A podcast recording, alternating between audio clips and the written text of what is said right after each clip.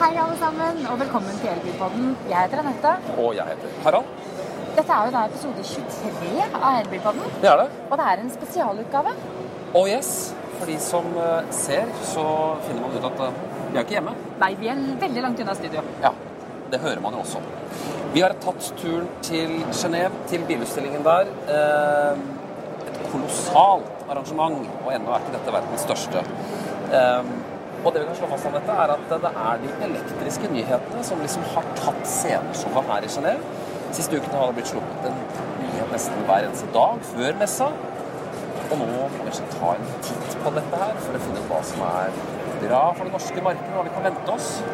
Det er jo en messe som er veldig liten og kompakt. Ja. Eh, Genéve-messen er jo da i Sveits, som ikke vet hvor Genéve ligger. Det er jo da messe på nøytral grunn. Mm. Det er ingen som er på hjemmebane. Eh, det er en liten kompakt messe, det er lett å gå fra stand til stand. Så her får man god oversikt veldig raskt. Det gjør. Og så har vi fått i tale en god del eh, sjefer som skal fortelle oss litt eh, bak kulissene, litt hva vi har å vente oss, litt løfte blikket. Vi har drassa med oss kamera og mikrofoner rundt her, og i denne episoden så skal vi ta en prat med bl.a. Pons Pandikutira, en av toppsjefene i Nissan. Emilio Herrera, som er toppsjef, eller europasjef i Kia. Og vi skal snakke med Mark Whittington i det nye og ganske spennende Volvo-eide merket Polestar. Stian Giele og Stein Pettersen forteller mer om elektriske nyheter fra PSA-gruppen. Thomas Larsen fra Honda avslører elektriske satsinger fra Honda. Harald Edvardsen Eibakk i Volkswagen skal vise opp et ganske, vise opp et ganske morsomt buggy-konsept, også på strøm. Og som et lite skråblikk eh, til slutt, så har vi snakket med Jon Binding Sørensen, som er biljournalist, og som tro det eller ei, har vært på hver eneste Genéve-messe siden 1962. Det er sjukt. Ja, jeg vet ikke helt om eh, vi får til eh, å være her i 20 år fremover, eh, Harald. Om ikke mer enn det. Det var, det var utrolig dårlig hoderegning. Jeg tror bare vi tar oss og setter i gang med å høre hva Nissan har å si. Hør på dette. Da har vi tatt turen til Nissan sin stand. De har jo selvfølgelig sluppet en ny eh, elektrisk nyhet, de også. Et nytt konsept. Og vi har lyst til å vite litt mer om Nissan sin eh, verden, og igjen hvorfor dette skjer. Så vi har nå fått lov til å ta en prat med Pons Pandikutira. Han er, eh, han er Vice President of Product Planning. Uh, thank you for joining us in our podcast. Thank you for coming. It, this is not the first. Uh, these are not the first EVs that Nissan made has made. Not you at all. actually made the first one in 1947. That's correct. That was called the Tama, the Tama. and that was made because of the petrol shortage in Japan. Yes, it was post World War, so people were struggling for natural resources. Uh, but the one thing that they did have was electricity. So they couldn't get fuel, but they had coal that they were burning to produce electricity. And so they got very innovative. If you see the pictures of the Tama, it was not a very sophisticated car, but it drove it at a 100 kilometer range. And if you think about it, the first generation Leaf at about a 100 kilometer range in 2010. Yeah. And this was back in 1947. But there are a few other driving forces now behind the electrification of the car industry. What is your take on that? So to me, the, the big driving force really is 2020 Cafe in Europe. That's really what's driving the mass adoption across the across the industry. By 2020, the average fuel economy across the entire portfolio of your company has to be 95 grams. So, for example, a very efficient Qashqai is 99 to 110 grams today. You won't get to 95 unless you have electrification. And that's the same force that's driving a lot of other companies. Now, the recent decline in diesel perception in people not wanting to buy diesel engines has accelerated, has further accelerated this adoption of electrification. So EVs will definitely be the future. We will be at a pathway, I call a pathway to zero tailpipe emissions, but there will be a transition. Transition is partial electrification. So technologies like e-power, like uh, we just showcased today on the IMQ that's behind us, we will have e-power, we'll have parallel hybrids, we'll have plug-in hybrids, and then many more EVs in the future. So the future isn't just purely electric car; it is a mix of everything. It's a mix in the short to midterm. So mm-hmm. let's quantify that as the next five years or so, you'll still see bridge technologies. By the time battery technol- battery costs drop down significantly to where the marginal cost of producing an EV is the same as the marginal cost of producing an internal combustion engine, then we will really have a much higher mix of EV Okay. and far fewer of those bridge technologies I just described. What other challenges do you see kind of towards that goal uh, with the higher um, implementation of EVs? So the first hurdle really for us was range, and uh, the uh, first generation Leaf was around 100, 120 kilometers, 150 kilometers. But then already with the 40 kilowatt hour battery, the moment we crossed 250 kilometers of range, the adoption rate really soared. And now with the second generation, the, the 60 kilowatt hour battery that we just launched, we're at 380 kilometers of range. Range is not an issue anymore. So that was one of the big obstacles. The, the next one really is about charging infrastructure and charging times. So like we were discussing earlier, if a car is able to do 500 kilometers of range, that means the battery costs are low enough, the energy density is high enough, and the car can do 500 kilometers of range, most people can charge it at home or in their neighborhoods, and then we don't have to depend on the charging infrastructure as much. Mm-hmm. Then I think those are the major hurdles. And obviously, once the cost of the batteries come down, we could offer them at the prices that we do today, and then customers will gain. They'll be the net winners at the end. But in a lot of bigger cities, a lot of people don't own their own house, so they can't necessarily charge their cars at home. Uh, what is the option going to be for them? Is that shared mobility then? That is their option? So partly, let's first address the charging part of it. So if you live in an apartment uh, pl- uh, complex, for example, you still do have a parking spot for your car. Now, the ability to run charging to parking spots is going to get very good. Not every one of them needs a fast charger. If they have the equivalent of a wall box and an access to a power socket, in an eight-hour period, their car is fully recharged. So there's some very creative solutions that can be done to bring charging to people. And there can also be special incentives because electricity costs a lot more, a lot less at night. So incentivize people to charge their vehicles at night.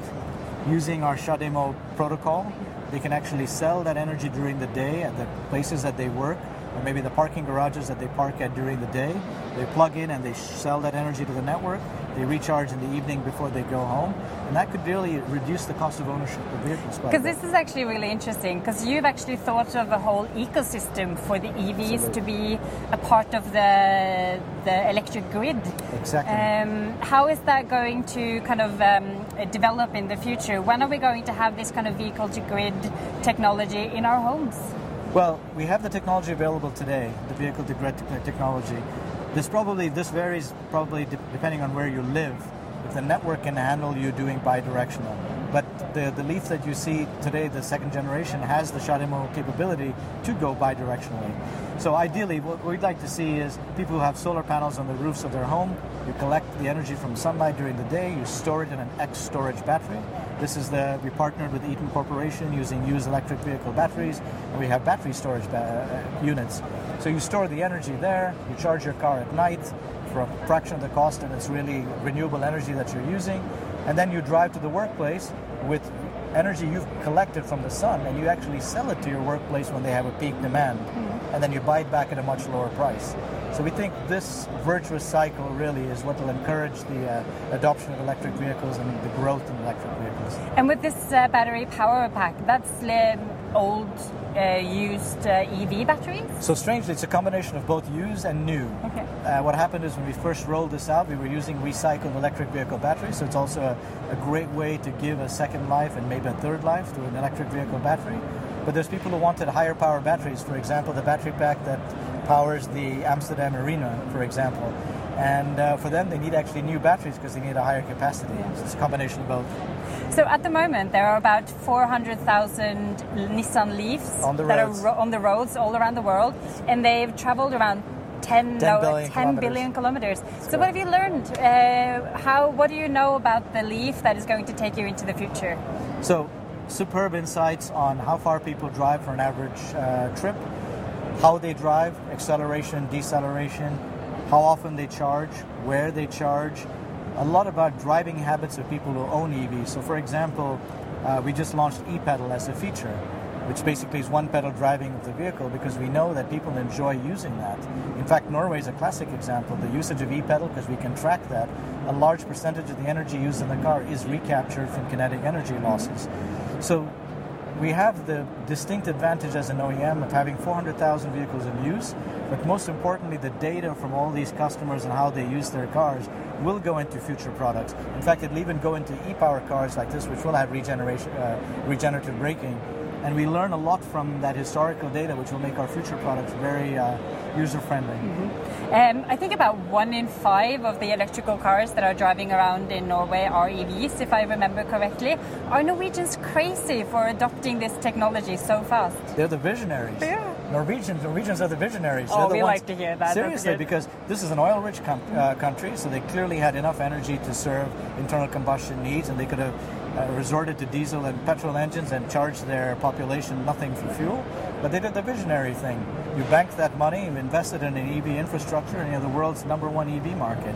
I mean, uh, I- there's key competitors who want to be successful in Norway before they take their markets, their cars anywhere else. Yeah. So kudos to your people. Thank you. well, thank you for sharing your thoughts with our listeners, and thank you for joining our podcast. Thanks very much. It's a pleasure to meet you. Likewise. Take care. Ja, Anette. Eh, ikke overraskende å høre at elektrifisering er avgjørende for å nå dette 95-gramsmålet til EU. Og at eh, utfordringen med ladeinfrastruktur det er noe som rett og slett må løses. Ja, og hans syn på 95-gramsmålet det deler jo Kia-sjefen eh, med ham. Men Kia-sjefen tror også at mange produsenter faktisk venter med å lansere viktige elbilmodeller til det målet tror ikke trer i kraft. Akkurat det som bare for å eh, vente så lenge som mulig. Helt riktig. Så la oss høre litt mer på det.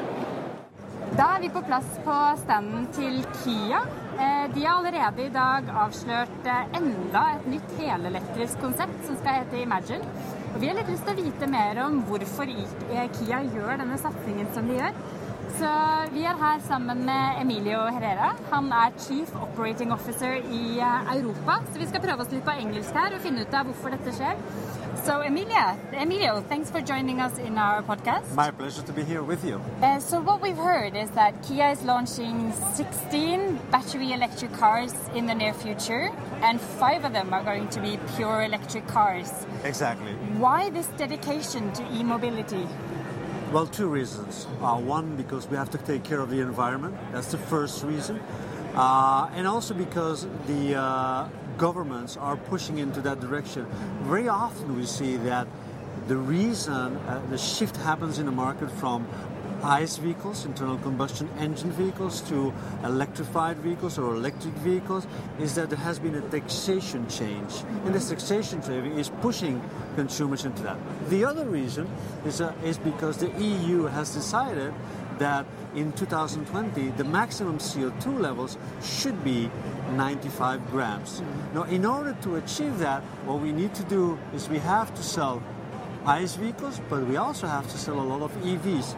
So we realized very early as Kia that we needed to build EV vehicles to make sure that to be able to continue selling cars in Europe and to be reaching these 95 grams, because otherwise the fine would be huge. It's a huge fine. We're not talking about a few millions, we're talking about hundreds of millions of euro. Exactly. And you mentioned this in your speech that we heard earlier that mm. a lot of companies are talking about electri- electrification, but you are actually doing it. Actually, we're doing it, and the best way to show this is that we have a complete range. We have from the mild hybrid, the hybrid, plug-in hybrid, and we have now two electric vehicles, full electric vehicles, the e-Niro and the e-Soul, and very few companies can say that. Mm. And from now on, every vehicle we launch will have an electrified model, either plug-in hybrid, mild hybrid, or even an electric vehicle.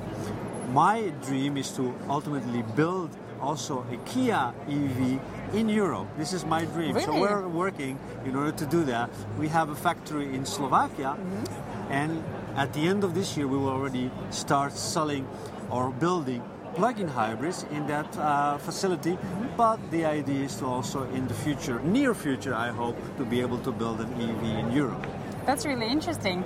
Um, like I said, we'll, we see a lot of other manufacturers going into the EV markets. But like you mentioned, the EV um, emission targets that they've set for 2021, 20. 2020, are a lot of the traditional manufacturers still holding back on the production on EVs and kind of waiting until that um, target kicks in? Well, I think you have the ones that are trying to do something about it and really are investing, even if they're late, they're, they're investing. We started a long time ago. And the reason is because we have the capacity, we have the critical mass. Together with Hyundai, we sell 8 million cars worldwide. So we have the capacity to do that. We share the R&D center, so we have the possibility to do that. So you have manufacturers that really have invested in that, invested a lot of money in research and development. Then you have the manufacturers that will say, well, I'll pay the fine and then we'll see what happens. Uh, I'll tell you what happened is that they will charge it to the consumer, to the end consumer in the end. And then there's the, the, the, the manufacturers that don't know where they're going. And some of them might leave the European scene because it being so strict and so ambitious in terms of CO2 that they will have no choice than to leave because they're not ready to pay the fine. And, and like I said, the fines are huge. It's not small fines. They're incredible. And just 10 years ago, you didn't sell any EVs, battery electrical cars at all. So what will the future look like? Do we will we have a mix, uh, plug-in hybrids? Is it going to be all EVs? Where are we going? Well, it really depends on the uh, government support that we get. In Norway, as you Yeah. know very well, to buy an electric vehicle has a lot of government support, and it's even cheaper sometimes than to uh, buy an uh, internal combustion engine vehicle. So, but on the other hand, I think in the coming future it will be a mix. Uh, I don't see everywhere in Europe going to the high levels of Norway. I heard the numbers of Norway Yeah. uh, in February. Almost 40% of the cars sold were 100% electric. I don't see that number going as, at that high everywhere in Europe. Italy is at 0.2% now, so I don't think there's a long way to go to 40%. But on the other hand, what you saw in Norway is it went very quickly, very rapidly from ICE vehicles to electric vehicles, depending on how the government is stimulating uh, electric vehicles. The future, in my opinion, is a mix. The near future is a mix. That's why we have all these different powertrains because we, will, we believe that it will be a mix the, the, the challenge here is to be agile and flexible enough to be able to supply the appropriate vehicle for every single market in Europe. And there's many different markets in Europe, as you know. it is. Yeah. Um, so what are the main challenges now for full consumer acceptance of the complete, fully battery electrical car? First of all, there is still a difference in price. If it's not supported by the government, there's a difference in price. So consumers look at that because consumers have a hard time also thinking on the long term and thinking the total cost of ownership will be lower and I will recover that uh, in the lifetime of the vehicle. So I think that's the first. Now, the other challenge we have is supplying enough batteries to make sure that we can supply all the cars that the market like Norway needs.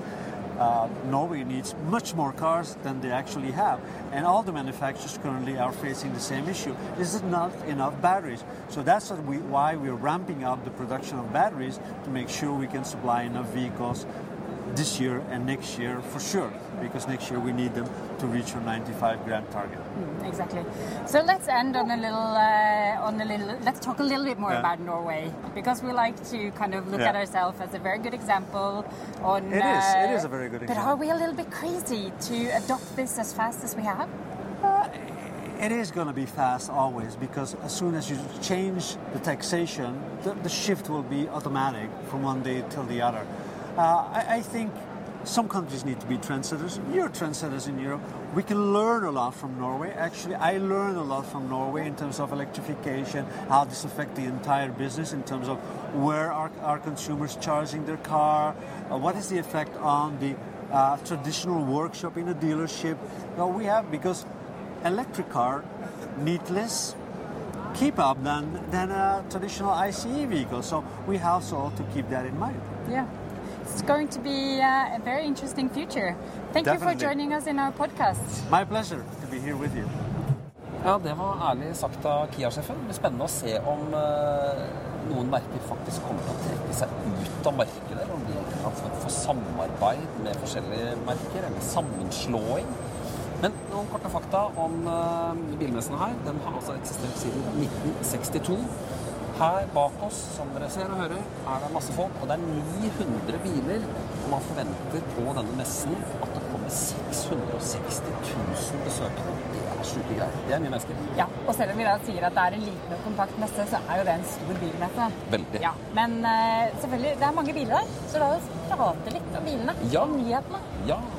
Og eh, Polestar de eh, dukket opp som av ingenting her med en lansering på nett for eh, noen dager siden, for en uke siden. Og vi har tatt en prat med Polestar, en Polestar-sjef om den helelektriske Polestar 2. Den ble altså ikke presentert her på messen, men online eh, utenfor messen med et stort eh, publikum. Hør på dette. Da har vi endelig kommet oss til den standen som har mest sannsynligvis messens kanskje hotteste elbilnyhet.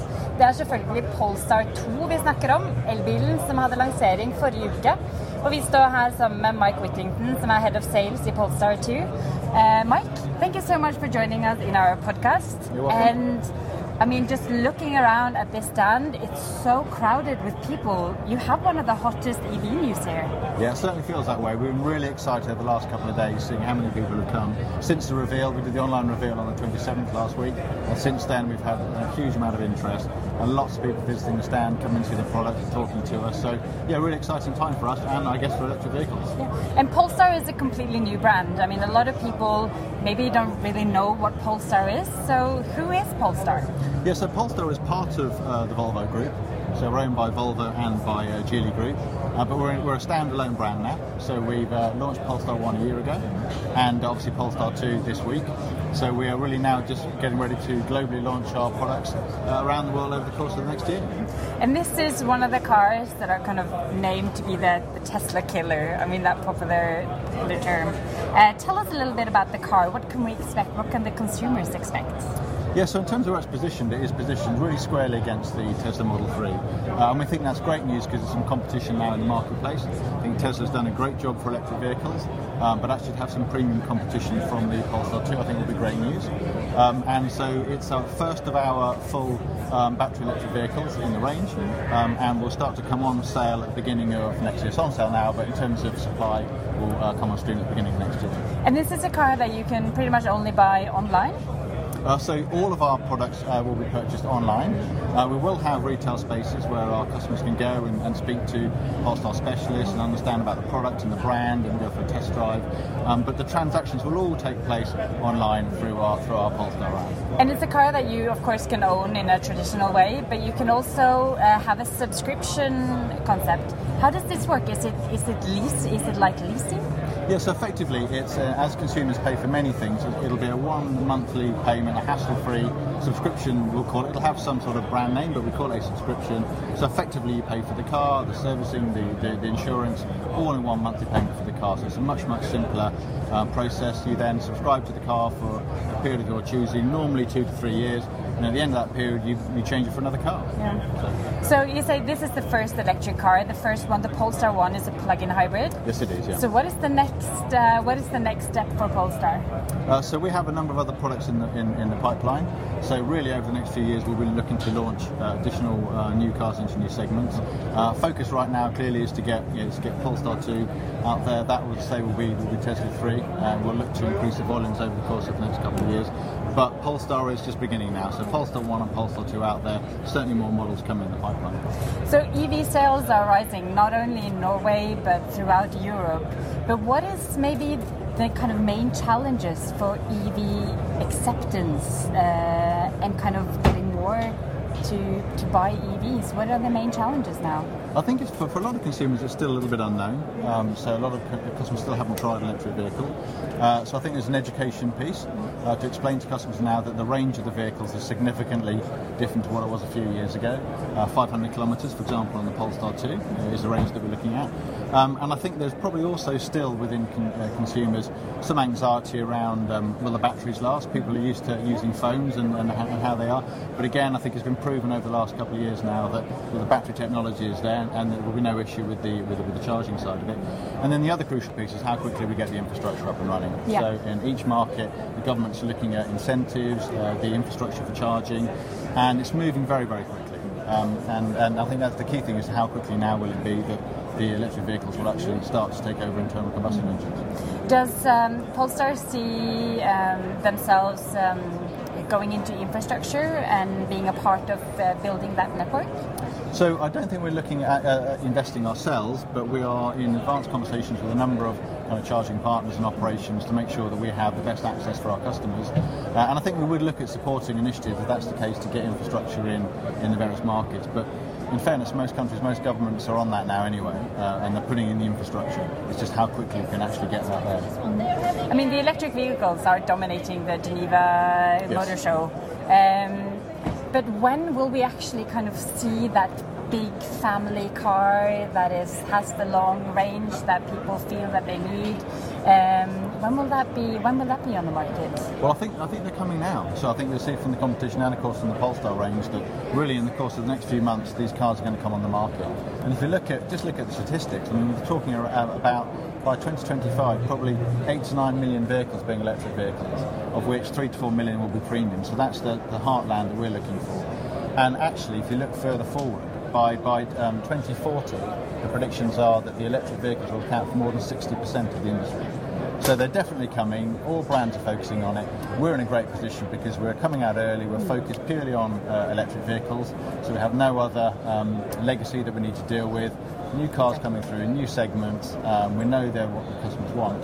So I think you're going to see a real electric vehicle explosion over the course of the next few years. Interesting. Only time will tell. Yep, absolutely. Thank you so yeah. much for joining us in our podcast, Mike. You're welcome. Thank you very much. Thank you for doing this. Ja, Anette, jeg syns Polestar er en veldig flott bil. Og rett i strupen på Teslas modell 3. Hva tenker du? Det er jo det. Uten tvil. Det er en lekker, lekker elbil som jeg vet mange nordmenn eh, er spente på å se. Men det er jo interessant at han sier at elbilen fortsatt må avmystifiseres. At det er et, egentlig et stort behov for at folk skal få vite mer om hvordan en elbil egentlig eh, holder seg, hvordan den skal brukes. Rekkeviddeangst. Ja, rett og slett. Så avmystifisering, det er jo det vi driver med. Mm, det gjør vi. Vi prøver å informere så godt vi kan.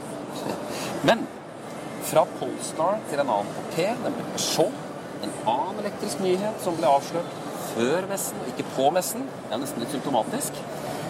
Det er Peugeots første elbil vi skal snakke litt om. Og reservasjonslistene de har allerede åpna, de. De har det. Eh, og reservasjonene har allerede tikket inn. Men samtidig så tok vi også en prat med Citroën. For de har tatt med seg et litt sånn elektrisk mobilitetskonsept som vi var litt nysgjerrige på. Hør på dette.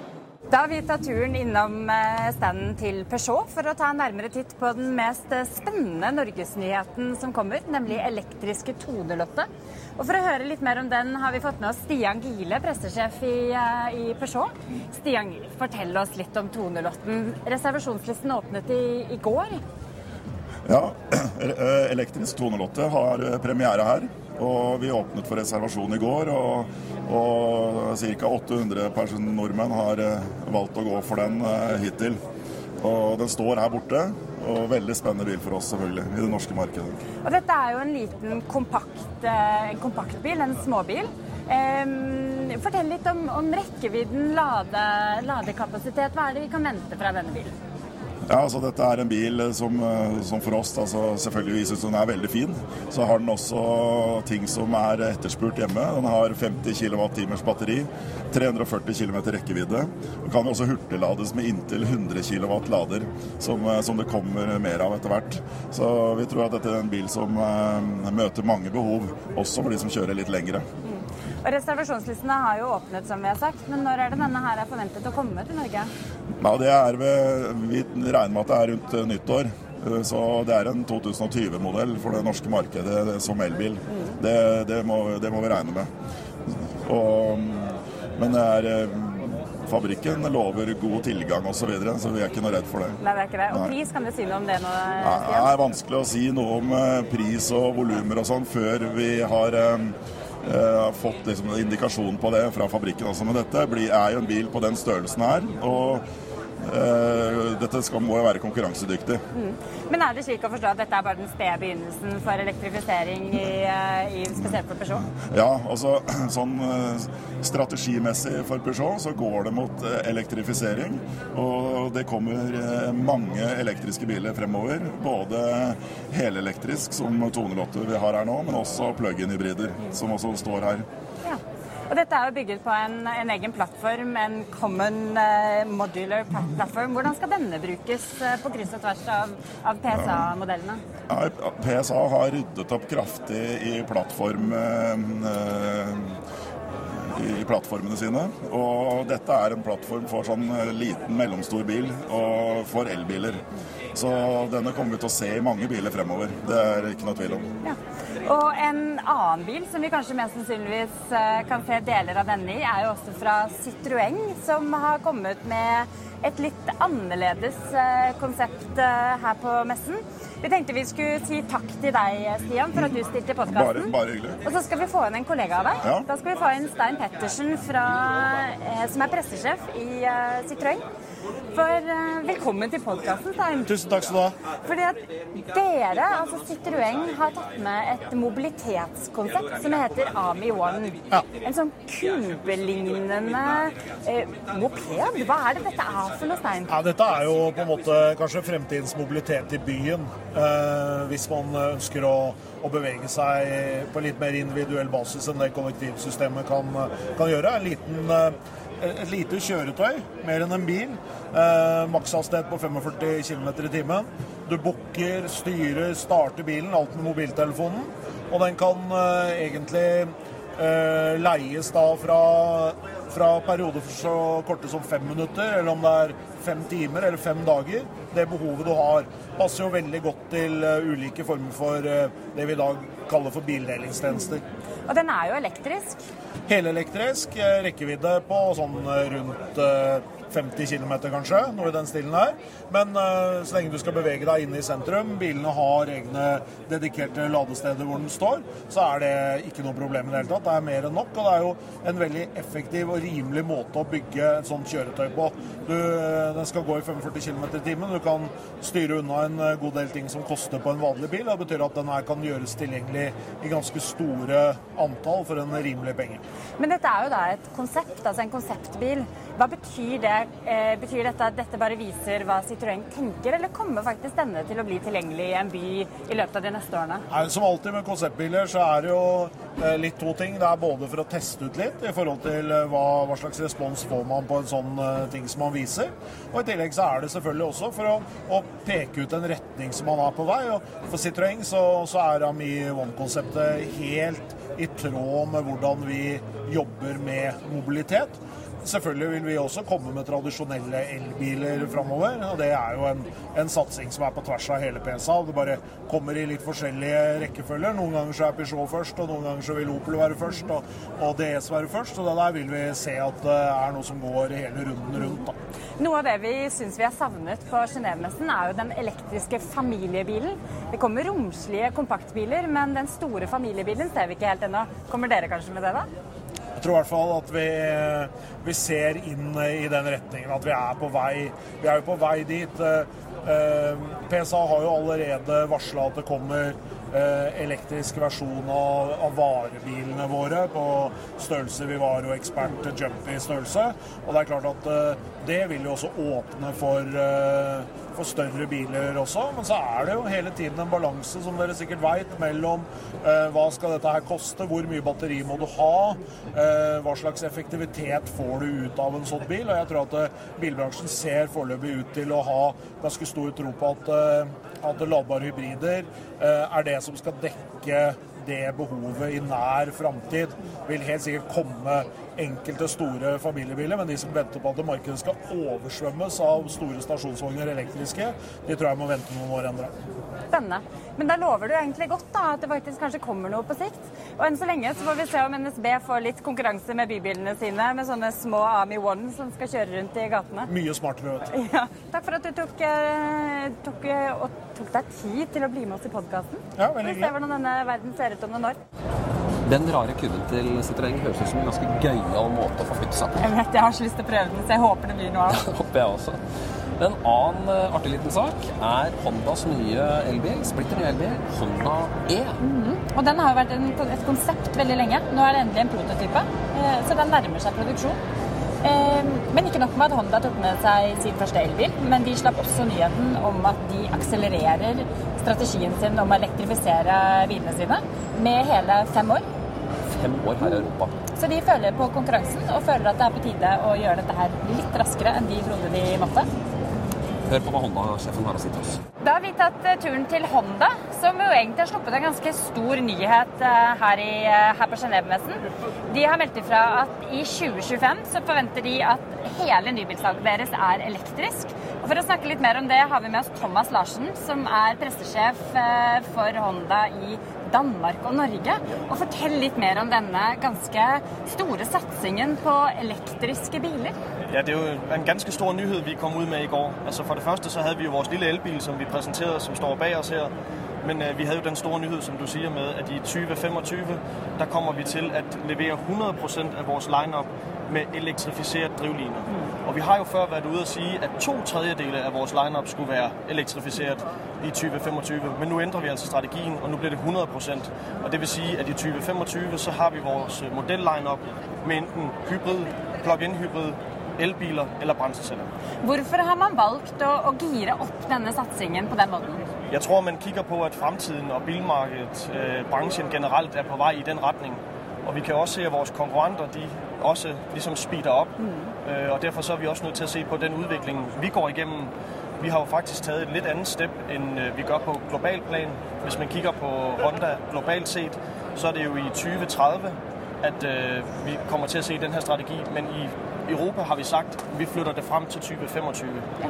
Men det betyr jo egentlig da at dere ser at markedet begynner å bli modent og responderer på denne type teknologi? Ja, helt sikkert. Og man kan si spesielt i Norge, som er riktig interessant og blevet en meget, meget viktig spiller for, for øh, Honda i Europa.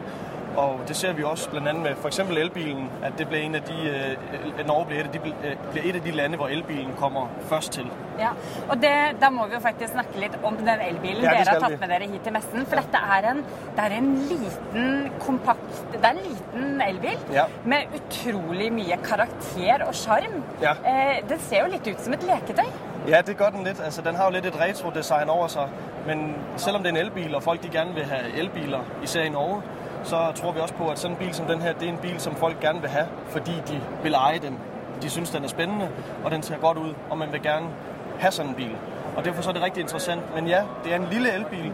Vi skiller os måske lidt ud fra andre nyheder, der er på Genève-messen i år.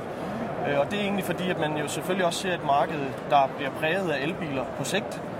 Og ligesom vi har haft almindelige benzin-dieselbiler i dag, hvor man har store biler, små biler, biler med lang rækkevidde, biler med kort rækkevidde, jamen så bliver der også et marked for ren elbiler, når vi kommer længere frem, hvor nogen skal bruge en elbil, der har behov for måske plus 200 km, som den her den er, og nogen har behov for en større bil med en længere rækkevidde. Men vi starter altså i det små, og som vi kan høre på strategien 2025, så kommer der jo nok også noget mere, når vi kommer længere hen. Og når blir da denne Urban Nei, Honda I er det den skal ja. hete. Den skal ikke hete Urban lenger. Nei, Urban nei. det var konseptbilen, ja. og nå heter den Honda I prototype. Ja. Og nå er det en prototype. Men det betyr at da nærmer vi oss faktisk produksjon? Ja, så det her det er faktisk det vi sier en øh, 98% ferdig bil, som vi har bak ved oss her. Så det er småting som f.eks. der er lys i logoet foran nå, det tror jeg ikke vi får lov til å lave på produksjonsbilen, så det blir endret. Men hva vi ser f.eks. som øh, kamera monitor i stedet for sidespeilene, det kommer på den produksjonsferdige bil, det blir standard. Det vi ser med de store skærme, interface i bilen, det blir også standard. Så bilen den kommer altså til å se sånn her ut, og det blir en rett spesiell bil der kommer til å skille seg ut i det her segmentet. Hva vet man, Kan du si noe mer om hvilket prissjikte denne kommer til å ligge? Vi, vi kjenner dessverre ikke noe, noe til prisene ennå, men vi vet jo at den går i produksjon i slutningen av 2019. Og vi begynner også å åpne opp for preorders på bilen i mai måned i Norge. Og så øh, begynder vi også at kigge på at vi selvfølgelig skal de første biler ud og rulle øh, på det norske markedet når vi kommer lige på den anden side av 2020. Men det var en annen ting som også ble tatt opp under denne pressekonferansen øh, hvor Honda i ble vist fram. Og det er jo at dere også går inn i det dere kaller energy management. Ja. Så man prøver å se litt på hvordan også bilen skal være, elbilen skal være en del av strømnettverket. Ja. Eh, kan du fortelle litt mer om, eh, om dette konseptet eller ja. den tankegangen? Vi, vi, vi, vet heller ikke så mye omkring det her konseptet ennå, men det Honda tenker på, det er selvfølgelig at man vil prøve å se om man kan levere litt til, til hele syklusen omkring det man, man har en elbil, og det omkring den, den grønne energi. Og Derfor som sier ok, vi leverer bilene, Men hvorfor skulle vi ikke også kunne hjælpe med eksempel at have en power manager, hvor man kan sælge sin strøm tilbage til, til griden, som man siger, altså tilbage til, til, til elselskabet, eller man kan bruke det til sin strøm i huset, eller man kan bruke det til at lade sin bil eller lade en annen bil. Så den her power manager, den kommer vi til at teste nu i øh, London og i Frankfurt, og så bliver det jo sådan ligesom et step i at sige, at vi vil gerne prøve at se, om vi kan rulle de her ladestander ud flere steder, så vi kan gøre det nemmere og bedre at køre elbil. Og Det er jo det man kaller da vehicle to grid, for de som kanskje har hørt det fra Nissan sine konsepter tidligere. Så det betyr jo egentlig kanskje i realiteten at man kan lage middagen sin med strømmen fra elbil. Det kunne godt være, at det var fremtiden, ja. ja. man kunne gøre sådan. Det, det kan vi gøy å prøve deg på. Jo, tusen takk for at du tok eh, tid til å prate med oss eh, og lytterne våre. Ja. Så gleder vi oss til vi får kjørt eh, den lille Honda i Vi, vi gleder oss også riktig mye. Jovial danske der, altså. Absolutt, men det der er en ambisiøs strategi. eh, Og det viser bare at de følger på konkurransen mer enn jeg tror de hadde trodd at de skulle gjøre. Her er det kamp om teknologi og kamp om kunder, rett og slett. Men fra et merke som selger ganske lite i Norge, altså Honda, så skal vi over til eh, slegga selv, giganten, nemlig Volkswagen. Eh, De har med seg et ganske underlig konsept her på, eh, her på Genévemessen, men som har historikk i Volkswagen. Og en bil som passer godt for livsnytere med surfebrett på stranda. De har jo tatt med seg det de kaller en ID-buggy. Som er rett og slett bare et lite sånn rekreasjonskjøretøy. Men det de jo egentlig viser fram, da, det er jo fleksibiliteten i den derre MEB-plattformen som alle de elektriske bilene til hele konsernet skal bygges på. Så de vil bare vise hva de kan gjøre eh, når de først vil. Og dette er altså da en, en plattform som kan brukes til nærmest hva som helst av kjøretøy. La oss høre hva Volkswagen vil fortelle. Da har vi kommet oss til Volkswagen sin stand her på Genévemessen, og vi har akkurat sett en ID-buggy blitt uh, avslørt. Det er da den elektriske versjonen av 60-tallets Dune-buggy. Og vi har fått med oss uh, Harald Edv- Edvardsen Eibach, som er direktør i Volkswagen Norge, for å snakke litt mer om hva denne buggyen er. Fortell, Harald, den er jo, fortell dette er jo en spesiell konseptbil. Ja, det stemmer. Veldig glad at dere tok turen til å komme innom oss på stand. Vi er veldig stolt av å vise fram denne konseptbilen, som du sa. Så er jo litt sånn tilbake igjen til 60-tallet, hvor du hadde en, en bobleunderstell. Altså man puttet denne ikoniske buggen på toppen. Så er det jo nå skal vi inn i en ny verden med elektrisk mobilitet. Så putter vi denne Volkswagen ID-plattformen i bunn med batterikasse nederst og hjul i hver ende. Og så setter vi et spennende, utradisjonelt konsept på toppen som er trolig kult, da kan kjøre i vann med og alt du skal gjøre. Og eh, rekkevidde som eh, på 250 km og høyhastighet i forhold til opplading, og alt du skal ha. Veldig kult. Men er dette faktisk noe vi kommer til å råne rundt på Solastranda i, eh, utenfor Stavanger med, eller er dette bare et konsept? Foreløpig så er det et konsept som visualiserer hva faktisk denne plattformen kan levere. Fordi For de som ikke vet det, så er det jo en spesiell plattform som er utviklet nå for den kommende ID-familien. Som har alt fra denne bilen, som er en liten en kompaktbil, til helt opp til ID Buss, som har blitt vist som en konseptbil som er en vesentlig større. Hvor denne plattformen er skalerbar da, i lengderetning og bredde for å ha alle de segmentene igjen. Så det viser jo egentlig fleksibiliteten i plattformen. Og hvis det blir stor interesse, så har fabrikken sagt vi kan lage en. Og så kan vi også tillate andre underleverandører som ønsker å utvikle skallet, la oss si det på toppen, da. Så kan vi utvikle plattformen i bunn. Så får man dette sammen i mer sånn litt mer eh, spesielle konsepter, og, og kan se på veien i litt mindre eh, produksjonsvolumer. Interessant. Men vi hører jo veldig mye prat om plattformer. Alle de ulike bilprodusentene kommer med egne plattformer som er spesialbygget for elektriske biler. Ja. Hvorfor er det viktig? Altså Tradisjonelt sett på de elektriske bilene man har hatt fram til nå, så har man jo gjerne hatt en vanlig forbrenningsbil som er utviklet, og en plattform som er dedikert for det. Og så har man lagt da for å lage en elektrisk bil, plassere noen batteri der hvor det er formålstjenlig, å lage en elektrisk bil ut av det. Det er klart, For å få maksimalt rekkevidde og for å få mest mulig ut av en elektrisk bil, så er det bedre å bygge bilen fra grunnen av. det. Det er i hvert fall Volkswagens tanke rundt det. Da har du batterikassen i bunn, som er egentlig chassis på bilen. Og så har du da muligheter, siden du ikke har noe, du har ikke noe senter, eh, altså noe eh, foraksel- og bakakseltilknytning. Du har ikke noe bensintank. Du har ikke noe eksosanlegg. Du har ingenting sånt som tar plass. Da kan du sette batteriet helt ned, få en veldig bra eh, kjøredynamikk og vektfordeling i bilen. Så setter du akselavstanden så langt fra hverandre og hjulene i hver ende, egentlig. Så får du masse innvendig plass til å leke for å få større fleksibilitet rundt interiør. da. Så et eksempel når vi skal lansere Volkswagen ID om kort tid, så er det jo det en bil som er på størrelse med en Golf. Innvendig er den da pga. nettopp dette. Størrelse som en Passat. Og nå snakker du om ID Neo. Er det ikke det som er eh, navnet enn så lenge? Det er i hvert fall et arbeidsnavn, selv om vi må si at det blir ikke det endelige navnet det? det. Kan du avsløre hva navnet blir? Nei, det må vi vente litt til med å gjøre, men eh, snart skal Ja. vi avsløre det. Men når er, det denne kommer, eh, når er det denne blir tilgjengelig for kunder? For denne her har vi ventet lenge på. Ja, altså Volkswagen ID ble jo vist som et konsept for flere år siden på bilutstillingen som dette.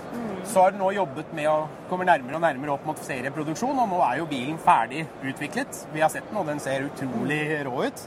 Kanskje ikke overraskende at vi syns det, men eh, den kommer jo da eh, Vi skal starte en reservasjonsløsning på bilen i Norge i mai. I mai, ja. Ja, og de, bilen får en verdenspremiere i høst.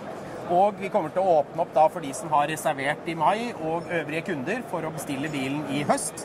Og levering da i 2020. Ja, Men det vi har hørt om denne modellen er at den skal bli ganske rimelig. Man har vel faktisk hørt noen rykter om at den kanskje skal koste rundt 250 000 kroner. Eh, til og med uten, nei, med avgifter. Eh, er det, stemmer det? Vi kan i hvert fall love, det er litt for tidlig å fortelle noe om prisposisjoneringa på bilen, men vi skal i hvert fall love at den bilen kommer til å være ekstremt konkurransedyktig i sitt segment. Det er vi i hvert fall veldig tydelige på. Og det kombinert med altså også at du kan få en rekkevidde, en reell rekkevidde, på opp mot over 550 km. Og når du tenker at en vanlig nordmann i dag kjører 60-70 av oss kjører under 5-6 mil om dagen, så betyr det at en sånn type bil kan du kanskje lade da en gang i uken når du har det, til vanlig behov. Og så vil den da kunne tilrettelegge for hurtiglading og alt det du trenger hvis du skulle være på en reise og trenger det. Dette gleder jeg meg til, Harald. Eh, Jeg skal være klar i mai til å faktisk trykke på den reservasjonsknappen. For det er den, ja, for for det er den bilen jeg har sett for meg at jeg eh, skal ha.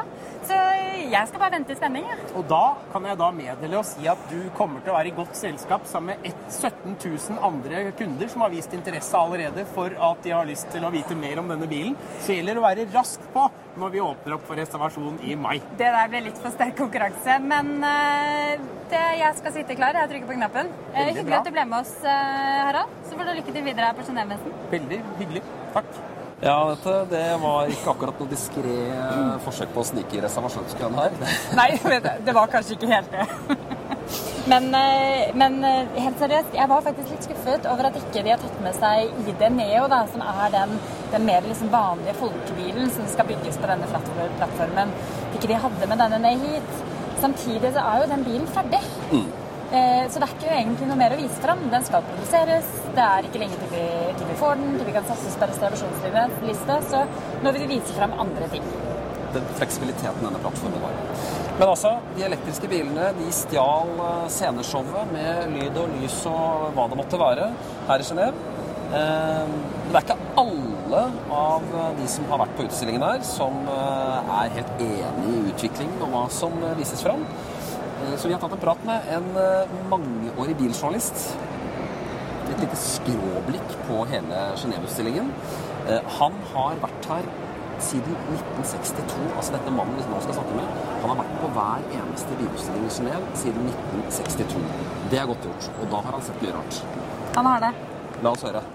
Bilmessen i Genéve er jo ikke noe nødvendigvis som alltid har vært så preget av elektriske biler som det er her i år. Så vi tenkte å ta et lite dypdykk i eh, historien. Og har fått eh, besøk av eh, Jon Vinning Sørensen, som er eh, en av Norges mest erfarne biljournalister. Eldste. Eldste. Eldste, ja. Og det er jo ikke noe Det er jo ikke noen prestasjon sånn sett. Men ja, jeg har vært der en stund. Hvor mange bilutstillinger er det du har vært på opp gjennom årene? Det veit jeg ikke, men første Genéve-utstillingen min var i 62. Mm. Og jeg har vært på alle som har vært siden det. Det er mulig det har vært noe opphold med bensinkriser, det husker jeg ikke, men jeg har vært på alle siden 62. Og hva er egentlig eh, messen i bilutstillingen i Genéve? Den er litt spennende, fordi Genève, eller Sveits er et land uten bilindustri, så derfor kunne alle møtes på nøytral grunn. Derfor har egentlig Genéve-utstillingen vært det mest interessante. Og vært kompakt. Det har ikke vært nasjonale fabrikker som liksom har bredt seg. Så man har kunnet eh, feie over denne utstillingen ganske kjapt og møtt alle som var interessante. Det er slutt på nå. altså for Folk gidder ikke stille på bilutstillinger lenger. Bilutstillingen går i oppløsning. Denne utstillingen rakner som bare det. er hvor store firmaet var for ett år siden. Er blitt barer eller sittegrupper eller så. Det, det går ordentlig i oppløsning, og det skjønner jeg godt. Ja, for det er en del nyheter vi har sett heller blir sluppet, sluppet på teknologimesser, eller Ja, heller sluppet på ja, nett. Ja, helt klart. Folk drar heller på mobilutstillinger i Barcelona og viser greiene sine, enn de reiser på en bilutstilling som dette. Det er med andre ord slutt på at man selger bil på en bilutstilling, og merkevarebygging gjør man på en helt annen måte. Jeg syns det er litt synd, for jeg liker showaspektet. Altså Det å gå rundt og se på en jævla parkeringsplass, det kan jeg gjøre i gata, men showaspektet syns jeg er helt topp. Så derfor jeg kommer tilbake hit hver gang. Tolv av de der konseptbilene som vi har sett på gata eller på gulvet her, er bygd i Torino. og De er håndbygd, og stort sett av folk jeg kjenner alle sammen. ikke sant? Så for meg er det veldig masse å snakke om. Men hvis det ikke er noe veldig nytt hos Toyota, eller sånn, så skjønner jeg at det kan bli litt kjedelig. Men det er altså to forskjellige måter å oppleve en utstilling på. da. Men det er jo noen nyheter her i den forstand at vi har sett litt elektriske, elektriske biler, Peugeot, eh, elektriske 208 som endelig Ja, blir men er det, er det fram. nytt at disse bilfabrikkene endelig har skjønt at framtida er forholdsvis elektrisk også? Løper de som faen og så bygger en ny plattform for å legge kjedelige batterier oppi? Jeg greier ikke se at det er noen nyhet, jeg. Men det er klart det er et nytt produkt som også blir batterielektrisk. Men hvorfor har det tatt så lang tid da? Fordi folk vil jo egentlig ikke ha det. Ikke sant? Det er jo bare norske politikere som vil ha dette tøvet her. Det er ærlig, ærlig syn på det, det.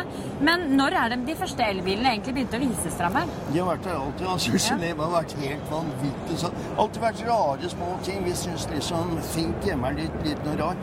Men her har det vært små, rare ting siden første gang jeg var her i 62 med blybatteri. Så eneste utviklingen som har vært, har vært sånn på designform, også på størrelsen på batteriene. Det er det eneste som har skjedd. Ikke tankegangen. Den er akkurat som den alltid har vært. Så, så egentlig ikke så veldig imponert over årets eh, messe? De to eneste, egentlig tre eneste nyhetene som jeg har opplevd disse dagene, de har skjedd langt utafor her. Det ene er at um, gamle Renault Nissan-sjefen endelig er frigitt i, i Tokyo etter 108 dager i varetekt eller noe sånt. Det kommer til å bli en grisete rettssak som viser at bilindustrien er vant, veldig nasjonalistisk. Den blir stygg, det er det ene. Men de to andre er litt mer spennende. Altså Volvo, som ikke er her, som har de har kuppa det hele ved å si at fra nå av så skal bilene våre aldri gå fortere enn 180 km i timen. Det er innmari spennende i et miljø hvor 400 km i timen og sånn er drita morsomt. Ja, ikke sant? Nå er det Ja, det er det, men det, dette er showet. Så Volvos kupping med 180 km i timen er den eneste nyheten. Det andre er, og det har ikke noe med dette å gjøre, det er direktøren for Mercedes-Benz lastebiler. Direktøren altså, som har sagt at nå må transportindustrien begynne å betale høyere avgifter, ellers så når vi ikke målet. Og her har vi altså biler på 2000 hestekrefter, en del gram CO2, ikke sant? Så disse greiene er ikke relevante. Det som er relevant er utafor, og det må vi lese om i avisene. Så nå er Genéve-utstillingen et morsomt show, men det er ikke noe morsom utstilling lenger. Det er drøm og fantasi, ikke Yes. nødvendigvis realitet. Nei.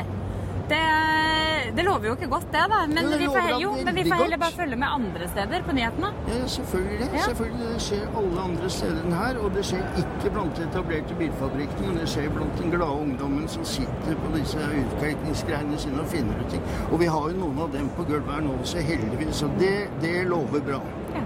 Klar tale fra Jon Winning Sørensen, Norges eh. Mest erfarne og Eldste. bilkjører. biljournalist. Takk for at du kom og delte ditt eh, kritiske blikk på Genéve-messen. Hyggelig. Ja, det var rene ord for pengene fra Jon. Men uavhengig av formatet på messen, så kan vi slå fast at den elektriske bilen har fått veldig mye kvadratmeterplass her i Genéve. Batteriet og batterielektrisk fremdrift er jo fremtiden en eller annen fasong eller et eller annet format. Uten tvil. Det er, eh, det er det vi må kunne konkludere med herfra. Selv om det selvfølgelig produseres mange bensin- og dieselbiler, så er fremtiden er elektrisk. Da skal vi takke for oss her fra Genéve. Vi skal det, og vi håper eh, dere har klart å følge med på episoden tross kanskje veldig mye bakgrunnsstøy. Eh, men vi tenkte det var på tide å komme seg ut av studio. På tide å komme seg ut av studio. Eh, lurer du på noe, så send oss en mail på elbil.krøllalfa.naf.no. Kan du lese mer om elbil på naf.no skråstrek elbil. Følg NAF Elbil på Facebook, og sjekk ut NAFs Instagram-konto på NAF Norge. Og så høres og ses vi igjen om 14 dagers tid. Ja, noe sånt nå. Ja. Så I mellomtiden så får vi bare prøve å finne oss et fly hjem tilbake til Oslo. Det får vi gjøre. Så vi er i studio igjen om 14 dager. Ha det bra. Ha det.